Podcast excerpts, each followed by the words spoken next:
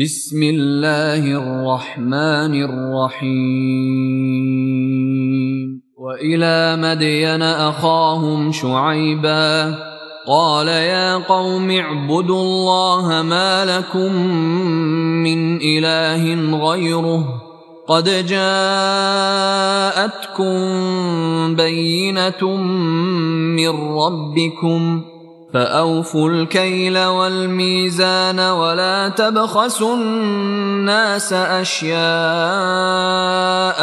ولا تفسدوا في الأرض بعد إصلاحها ذلكم خير لكم إن كنتم مؤمنين.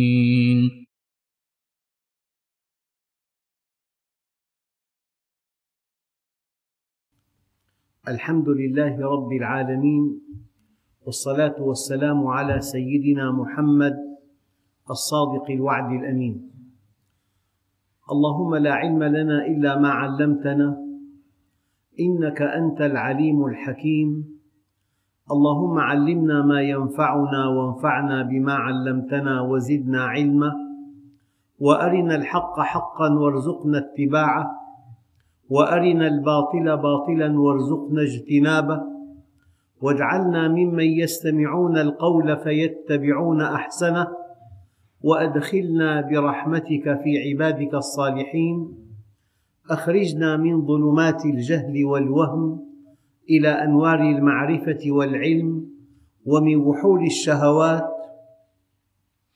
إلى جنات القربات. أيها الإخوة الكرام مع الدرس التاسع والعشرين من دروس سورة الأعراف ومع الآية الخامسة والثمانين وهي قوله تعالى وإلى مدين أخاهم شعيبا قال يا قوم اعبدوا الله ما لكم من إله غيره قد جاءتكم بينة من ربكم فأوفوا الكيل والميزان ولا تبخسوا الناس أشياءهم ولا تفسدوا في الأرض بعد إصلاحها. ذلكم خير لكم إن كنتم مؤمنين.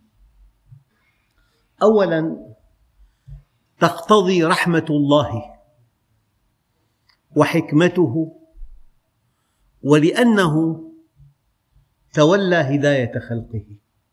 إن علينا للهدى. تقتضي رحمة الله وحكمته ولأنه تولى بذاته العلية هداية خلقه أن يرسل إلى كل قوم نبيا أو رسولا يبين لهم. لكن في المألوف أن هذا الرسول أو النبي معه منهج معه نظام معه أوامر معه نواهي. فإذا جاءت هذه النواهي على خلاف شهوات الناس يرفضون هذه الدعوة ويكذبون هذه الرسالة ويسفهون هذه التعليمات فما الذي ينبغي أن يكون؟ لا بد من أن يبين الله لهؤلاء الناس أن هذا الإنسان رسوله أو نبيه عن طريق المعجزات. الآن وإلى مدين أخاهم شعيبا. مدين هي قبيلة تقطن قرب معان وهم أصحاب الأيكة. مدين قبيلة تقطن إلى جانب معان وهم أصحاب الأيكة. وقد أرسل الله لهم نبيا كريما هو سيدنا شعيب. وإلى مدين أخاهم يعني عاش معهم تربى فيهم رأوا عفته رأوا صدقه رأوا أمانته رأوا كماله ألفوه ألفهم هو منهم. لئلا تكون الحواجز بين الدعوة وبين المدعوين يعني مثلا لو أن أخوك دعاك إلى هذا الدرس هل تقلق؟ هل تشك فيه؟ هل تخاف؟ أبدا لأن الأخ ليس بينك وبينه حواجز لو أن إنسانا من الطريق أمسكك من يدك وقال تعال معي. وأنت في نيتك أن تأخذه إلى هذا المجلس. هل يقبل؟ لا يقبل. يخاف. إلى أين؟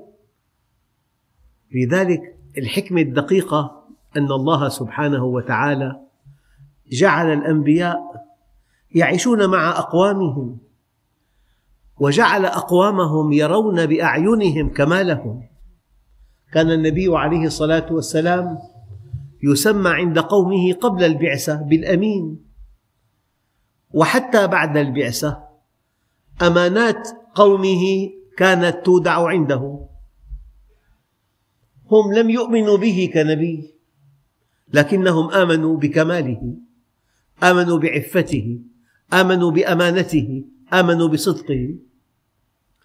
إذا وإلى مدين أخاهم شعيبا ودائما وأبدا كمال الخلق يدل على كمال التصرف. في هذا الكون كمال مطلق. الكون معجز. هذا الكون يشف عن إله عظيم عن مرب حكيم عن مقتدر عن قوي عن غني. هذا الكمال كمال الذات الإلهية لا بد من أن يكون معها كمال في التصرف للتقريب. يعني إنسان يحمل أعلى شهادة وملتزم وحضر دروس علم خمسين عام ومفكر وباحث وله مؤلفات. هذا الإنسان بهذه الثقافة بهذا الوعي بهذا النضج هل يعقل أن يرتكب حماقة؟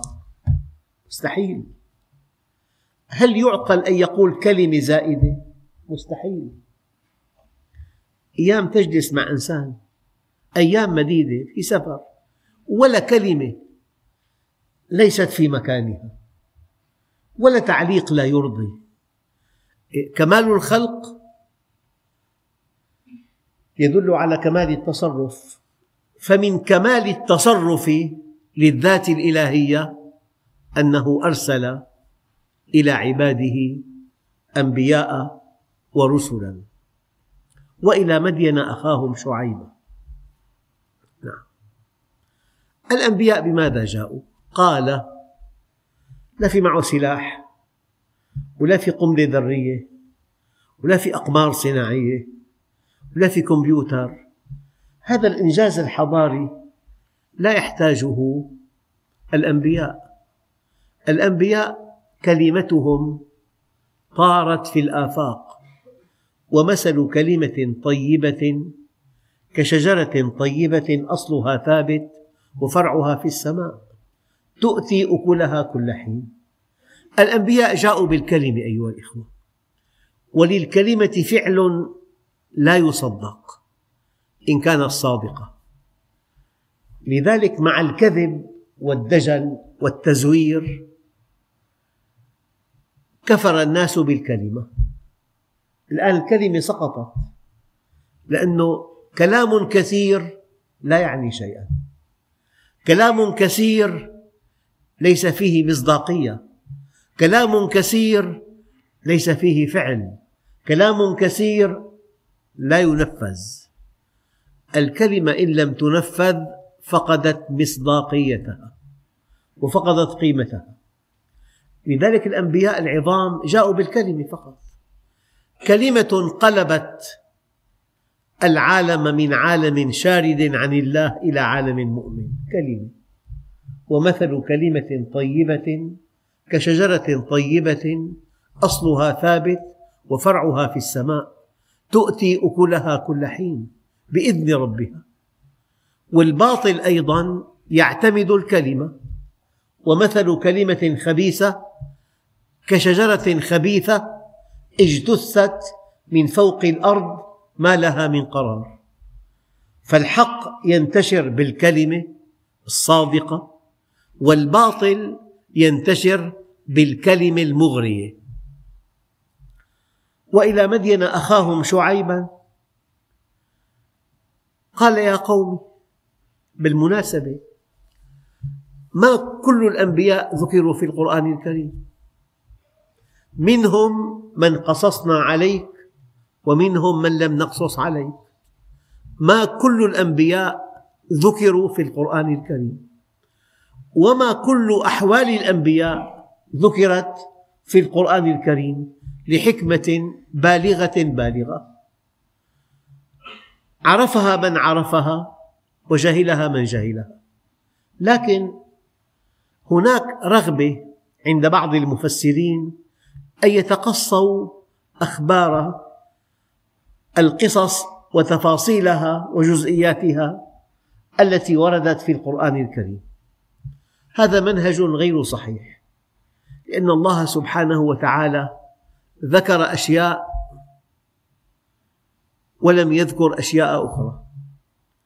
فالحكمة من ذكر الذي ذكره حكمة كاملة والحكمة من عدم ذكر الذي لم يذكره حكمة كاملة.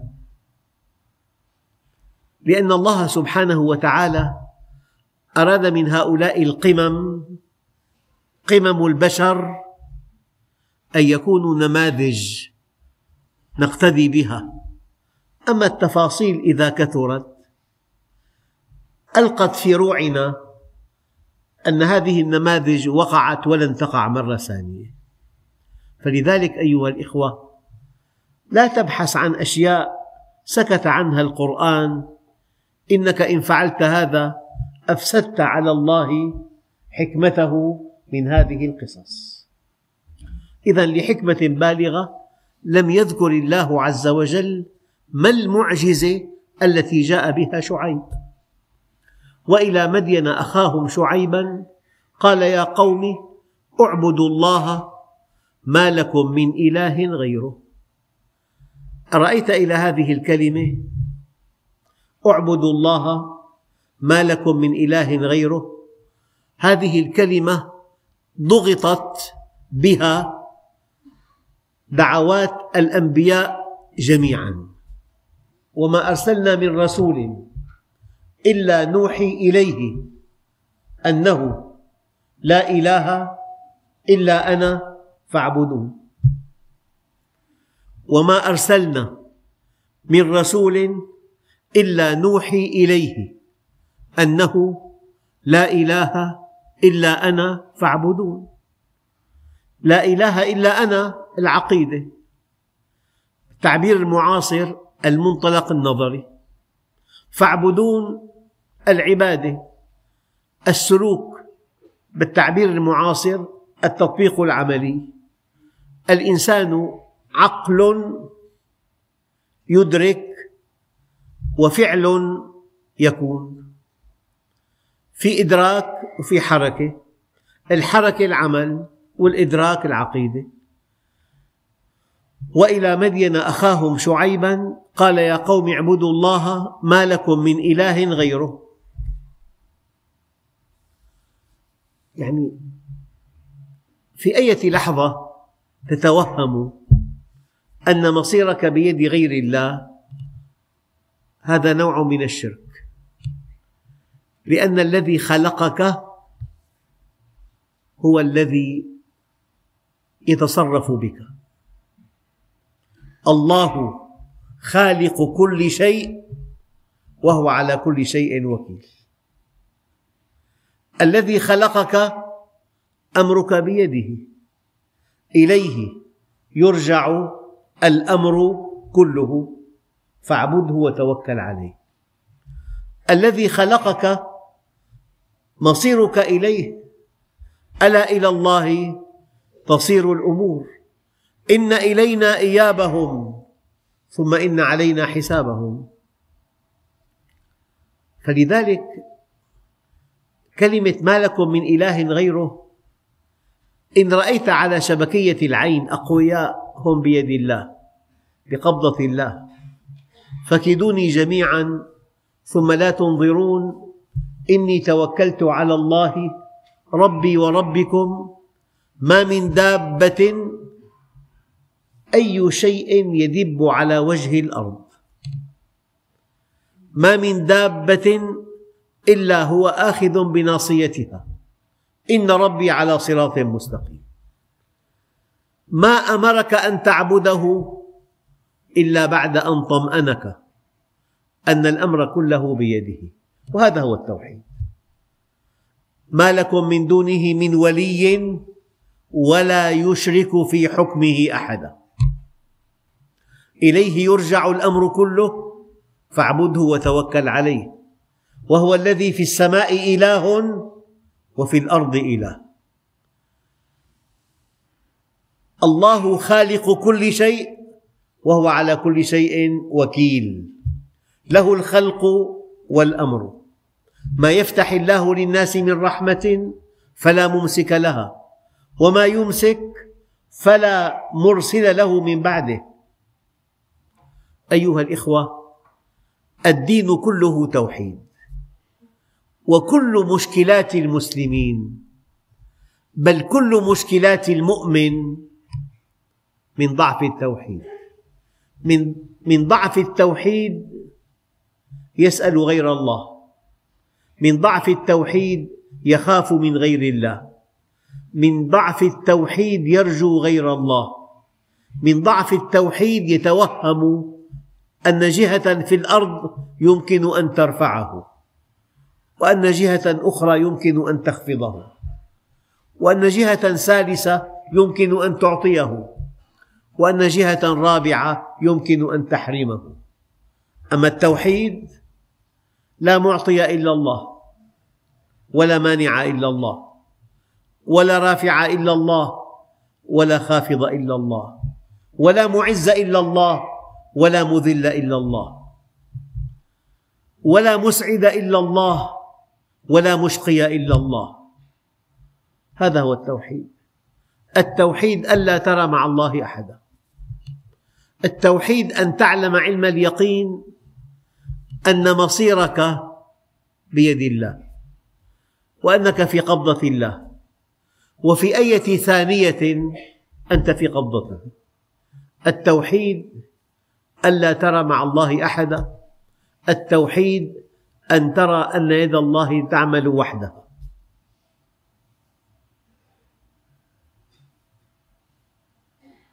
وما رميت إذ رميت ولكن الله رمى.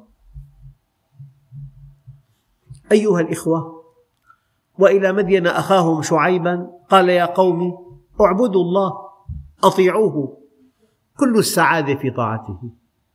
كل السلام في طاعته كل التوفيق في طاعته كل النجاح في طاعته كل التفوق في طاعته ومن يطع الله ورسوله فقد فاز فوزا عظيما.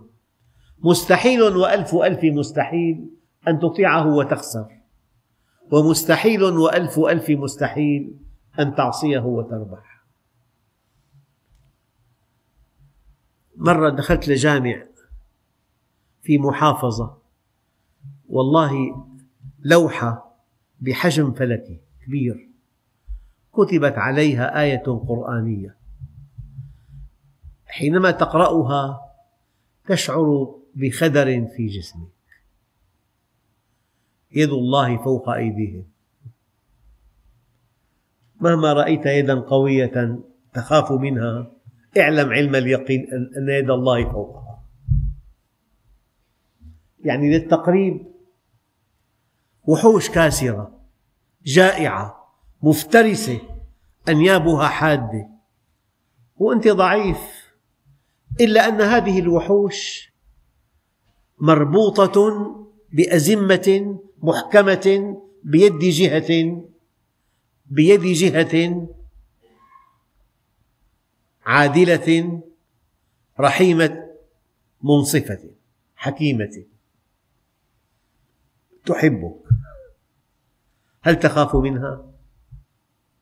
تخاف منها إذا اقتضت حكمتها أن ترخي أحد الأزمة فالوحش المربوط بهذا الزمام يصل إليك. أما إذا كنت تتحرك وفق مشيئة هذه الجهة هي بعيدة عنك. هذا هو الدين. والله الذي لا إله إلا هو. أكاد ألخص مشكلات المسلمين بمثل بسيط. المسلمون انحرفوا. تفلتوا من منهج الله. لم يطبقوا سنة رسول الله. هان أمر الله عليهم. فقيض الله لهم قوة جبارة. ليس في الإمكان إزاحتها إلا بحالة واحدة شوف أن يعودوا إلى استقامتهم فتنزاح من تلقاء نفسه. هذا ملخص الملخص وإن تعودوا نعود. فالعبادة هي الطاعة. والتوحيد هو الدين. والدين كله توحيد وعبادة.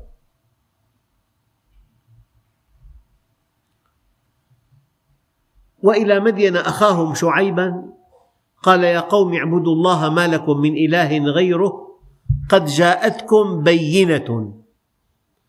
إما أن البينة هي سيدنا شعيب ببيانه وحججه وفي الأعم الأغلب ومعه معجزة. هي خرق للعادات وللنواميس تؤكد أن الله سبحانه وتعالى هو الذي أرسله. قد جاءكم بينة من ربكم فأوفوا الكيل والميزان ولا تبخسوا الناس أشياءهم ولا تفسدوا في الأرض بعد إصلاحها. ذلكم خير لكم إن كنتم مؤمنين. دائما في عنا عقيدة وعنا منهج. عنا أشياء ينبغي أن تعتقدها أن الله موجود وكامل وواحد وأسماؤه حسنى وصفاته فضلى. وأن هناك قضاء وقدرا وأن هناك ملائكة وهناك كتبا وهناك أنبياء ومرسلين. هي عقائد. لا تكذب منهج. أقم الصلاة منهج. آت الزكاة منهج. لا تغتب أحدا منهج. في عقائد وفي منهج. أنت بالكون تعرفه وبالشرع تعبده. الآن بالمنهج اعبدوا الله ما لكم من إله غيره عقيدة. أوفوا الكيل والميزان ولا تبخسوا الناس أشياءهم ولا تفسدوا في الأرض بعد إصلاحها. منهج. يعني لآتي بمثل. أنت بحاجة إلى غرفة نوم. لكن بحاجة إلى سرير واحد. رأيت غرفة نوم بسريرين. هو مصنع. قلت له أريد سرير واحد. الغرفة حقها ثمنها 150 ألف. قال لك بخصم لك ألفين. هو نفسه. لو جئته بعد عام والغرفة بالصالة فيها سرير واحد قلت له أريد سريرين لك في زيادة 25 ألف. ليش بالحسم 2000 بالإضافة 25 ألف. في بخس. كل شيء بتعرضه ما له قيمة. كل شيء تطلبه غالي كثير. هذا الباعة يبخسون الناس أشياءهم. مرة حدثني أخ يعني في سيارة بينه وبين صديقه يريدان التصفية التخاصص. ذهبا إلى تاجر السيارات أعطاهم سعر شراء إلها أربعين ألف. ذهبا ليشتريا مثلها طلبوا ثمانين ألف. من نفس المستوى تماما. بالعرض أربعين الشراء ثمانين في بخس في غش. والله الذي لا إله إلا هو. هناك أنواع من الغش لا يعلمها إلا الله. لا يعلمها إلا الله. كل شيء إذا عرضته يدفع لك ثمن بخس. فإذا طلبته تدفع الثمن الفاحش. إذا ما في إنصاف. وأقول لكم من أعماق أعماقي دينك ليس هنا. في محلك التجاري في عملك. إذا حب يستلم قماش كيلا يشد القماش حتى يتمزق. إذا أحب أن يبيع أما إذا أحب أن يشتري القماش يشكل خط منحني عنه الشراء خط منحني أما في البيع يكاد القماش يتمزق من شدة الشد.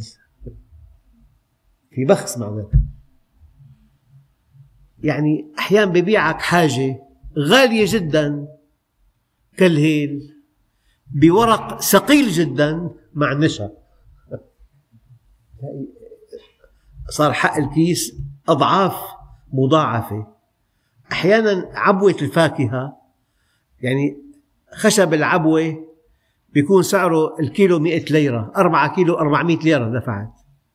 400 ليرة ثمن عبوة هي حقها 20 ليرة العبوة. خشب منقوع بالماء وثقيل. أنواع الغش لا تعد ولا تحصى. يبدو أنه لما الإنسان بيبخس الناس أشياء بيتلاعب بالسعر بالمواصفات بيجيب قماش من بلد متخلف جدا. يضع عليه شريط ذهبي مع المكواية بيطلع مصنوع في أرقى بلد في أوروبا. يبيع القماش بثلاث أضعاف. هو يبخس الناس أشياء يبخس الناس أموالهم. وإذا اشترى يبخسهم أشياءهم. لذلك في سياق جزء عامة. في سياق الجزء الثلاثين كل السور تبدأ والشمس وضحاها والفجر وليال عشر. إلا في سورة يعني قد يظن أنه مقحم إقحام. ويل للمطففين. على خلاف السياق كله. قال علماء التفسير إذا كان التطفيف في البيع والشراء يسبب الهلاك فكيف التطفيف في الإيمان بالله؟ وصدقوا أيها الإخوة دينكم ليس في المسجد دينكم في المحل التجاري في الصيدلية يعني يمكن أن تبيع دواء انتهى مفعوله. جاء طفل يشتري ممكن ينحك التاريخ السفرة حقه 800 ليرة أنا أرى أنك إن فعلت هذا ألغيت عباداتك كلها. حينما تحتال وتغش في الوزن والكيل والمساحة والعدد والنوعية والمواصفات ومصدر ومنشأ البضاعة أنواع الغش لا تعد ولا تحصى.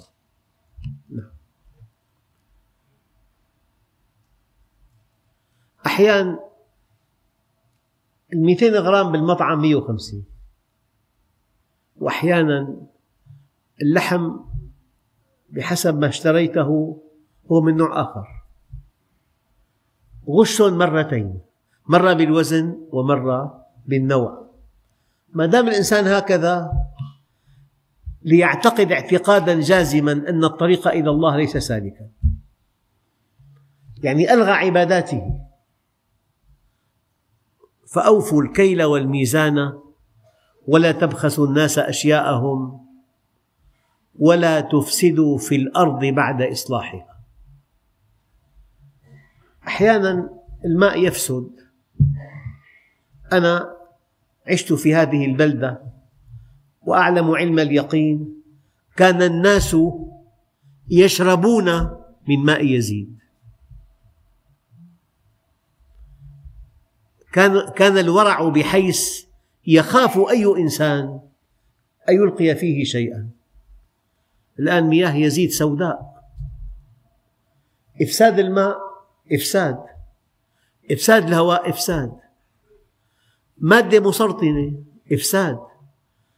هناك هرمون نباتي مسرطن إفساد. يعني هناك مواد حافظة مسرطنة توضع بكميات مضاعفة مسموح أن تضع ثلاثة بالألف. ستة بالألف مسرطن حينما ترى أن هناك إلها عظيما سيحاسبك.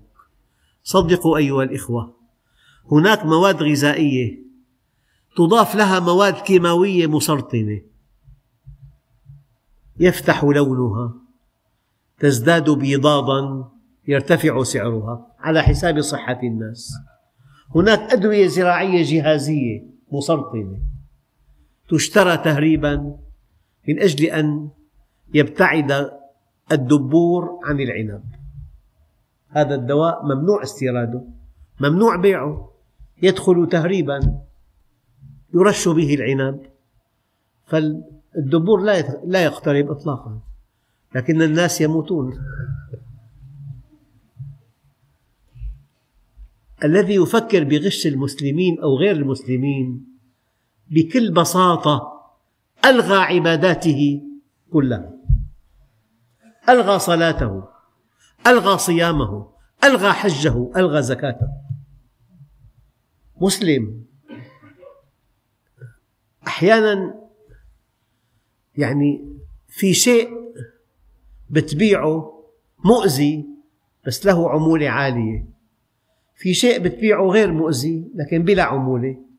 حينما تختار الشيء الذي له عمولة وتؤذي به إنسانا عبدا لله فأنت بهذا قد خنت الأمانة وألغيت عباداتك كلها. هذا إيماني. فدينك ليس في المسجد في محلك التجاري. في المواد التي تقدمها للناس. يعني إذا موظف في مطعم مصاب بالتهاب كبد وبائي ودخل إلى الحمام وما غسل يديه جيدا قد ينقل هذا المرض الخطير العضال المميت ل 300 آكل. ممكن. لذلك الآن فأوفوا الكيل والميزان ولا تبخسوا الناس أشياءهم. ولا تفسدوا في الأرض بعد إصلاحها ذلكم خير لكم إن كنتم مؤمنين. خير لكم إن كنتم مؤمنين. فالعبارة الدين سلوك الدين معاملة الدين انضباط الدين صدق الدين أمانة الدين ورع الدين إنصاف الدين نصيحة الدين استقامة هذا الدين. فإن لم تكن كذلك ولا أبالغ وسامحوني مجيئك للمسجد لا يقدم ولا يؤخر. يعني إذا واحد ما كان مستقيم ما بينضم للمؤمنين إطلاقا عم يقوم بحركات وسكنات اسمها الصلاة عم بيقوم برحلة اسمها الحج عم بيقوم بنظام غذائي صارم اسمه الصيام. هكذا. إذا ما استقمت والله أيها الإخوة كلمة من القلب إلى القلب. أنواع الغش المتاحة للناس لا يعلمها إلا الله. أيها الإخوة ولا تبخسوا الناس أشياءهم. كلمة أشياء عامة جدا. يعني أي شيء حتى لو كان معنوي. أحيانا طابق خامس. حتى الوسيط يقنع الإنسان بشرائه يطلع معه. عن كل طابق يوقف معه دقيقتين ثلاثة. يحكي له قصة. يرتاح. كل طابق في وقفة. يصل لفوق مرتاح. شوف المناظر شيء جميل جدا. أقسم لي بالله واحد وسيط عقاري. يعني قال له بدي اياه قبلي. قال له ها حنصلي العشاء صلى باتجاه الشمال. حتى أقنع الإنسان إنه هذا البيت باتجاه الجنوب. غش لا يعلمه إلا الله. اساليب الغش والله يحار لفهمها الناس. بيصلي بالجامع ما لقيم الصلاة؟ هذه الصلاة التي ليس قبلها استقامه لا شأن لها اطلاقا. من المفلس؟ النبي سأل. قالوا من لا درهم له ولا متاع. قال لا المفلس من أتى بصلاة وصيام وصدقة وقد ضرب هذا وشتم هذا وأكل مال هذا فيأخذ هذا من حسناته وهذا من حسناته. فإذا فنيت حسناته طرحوا عليه سيئاتهم حتى يطرح في النار. يقول لك أنا أخذت الزيتونات وعصرتن أمامي. أنا صحيان. بيكون في مستودع للزيت النباتي على السقيفة. فبيعصرهم نص عصرة بيفتح المفتاح أو السكر قليلا بيأخذ زيتاته نصه النباتي. يقول لك أنا وقفت أمامه. ما في مجال يكذب علي. ألوان الغش لا يعلمها إلا الله. وهذا المال الذي يأتي من الغش يدمره الله عز وجل.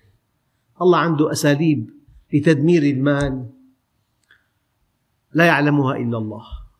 أيها الإخوة الذي أتمناه في هذا الدرس أنت مسلم بتصلي يجب أن تكون مستقيما استقامة تامة. أنا حدثني أخ بيشتغل بلف المحركات. قال لي يأتيني محرك قبل أن أعرف الله. ما في شيء. في يعني شريط خارجي مقطوع. الحمه بثانية. الإجرة خمسة آلاف لف كامل. يجي بعد يومين يشغل له إياه. حسب الشرط خمسة آلاف يأخذه. قال لي بعد ما عرفت الله عز وجل اطلب منه خمسة عشرين ليرة الشرط خمسة آلاف أنه ما في شيء. في في يعني شريط خارجي مقطوع لحمت لك بس لما تعرف الله تستقيم استقامة تامة. لما بتعرفه بيحاسبك لما بتعرف تعرف صحتك بيده إياك ثم إياك أن تفهم الدين. عبادات شعائرية. إياك. الدين استقامة. الدين بحقلك الزراعي. الدين بمكتبك التجاري. الدين بمكتب المحاماة. الدين بالمكتب الهندسي. الدين بالعيادة. الدين بالدكان. يعني فارة وعت تنكة الزيت. تنباع ثاني يوم عادي.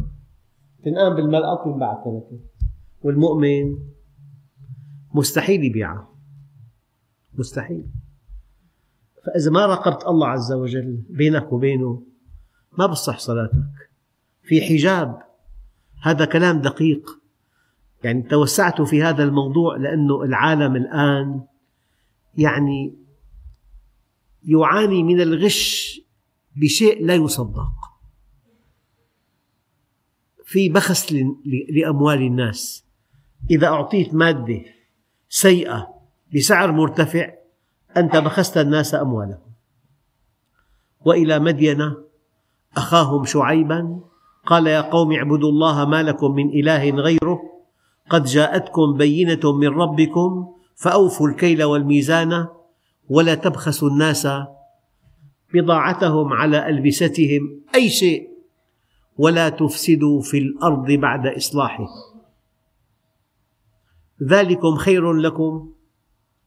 إن كنتم مؤمنين إذا أنتم آمنين في إله يعلم ما تفعلونه وسيحاسب وسيعاقب. الأولى أن تستقيم. الأولى أن تنجو من الله باستقامتك. إذا أنت مؤمن أنه في حساب فوربك لنسألنهم أجمعين عما كانوا يعملون. ينبغي أن تستقيم. أنت حينما تؤمن أنه من يعمل مثقال ذرة خيرا يره ومن يعمل مثقال ذرة شرا يره ينبغي أن تستقيم. أنت حينما تؤمن أن لكل سيئة عقاب ولكل حسن ثواب ينبغي أن تستقيم. أنت حينما تؤمن أنه مستحيل وألف ألف مستحيل أن تعصيه وتربح. ومستحيل وألف ألف مستحيل أن تطيعه وتخسر. ينبغي أن تستقيم. وإلى مدين أخاهم شعيبا قال يا قوم اعبدوا الله ما لكم من إله غيره. قد جاءتكم بينة من ربكم فأوفوا الكيل والميزان ولا تبخسوا الناس أشياءهم ولا تفسدوا في الأرض بعد إصلاحها ذلكم خير لكم إن كنتم مؤمنين والحمد لله رب العالمين. بسم الله الرحمن الرحيم. الحمد لله رب العالمين. والصلاة والسلام على سيدنا محمد الصادق الوعد الأمين. اللهم أعطنا ولا تحرمنا أكرمنا ولا تهنا آثرنا ولا تؤثر علينا أرضنا وارض عنا. وصلى الله على سيدنا محمد النبي الأمي وعلى آله وصحبه وسلم والحمد لله رب العالمين الفاتحة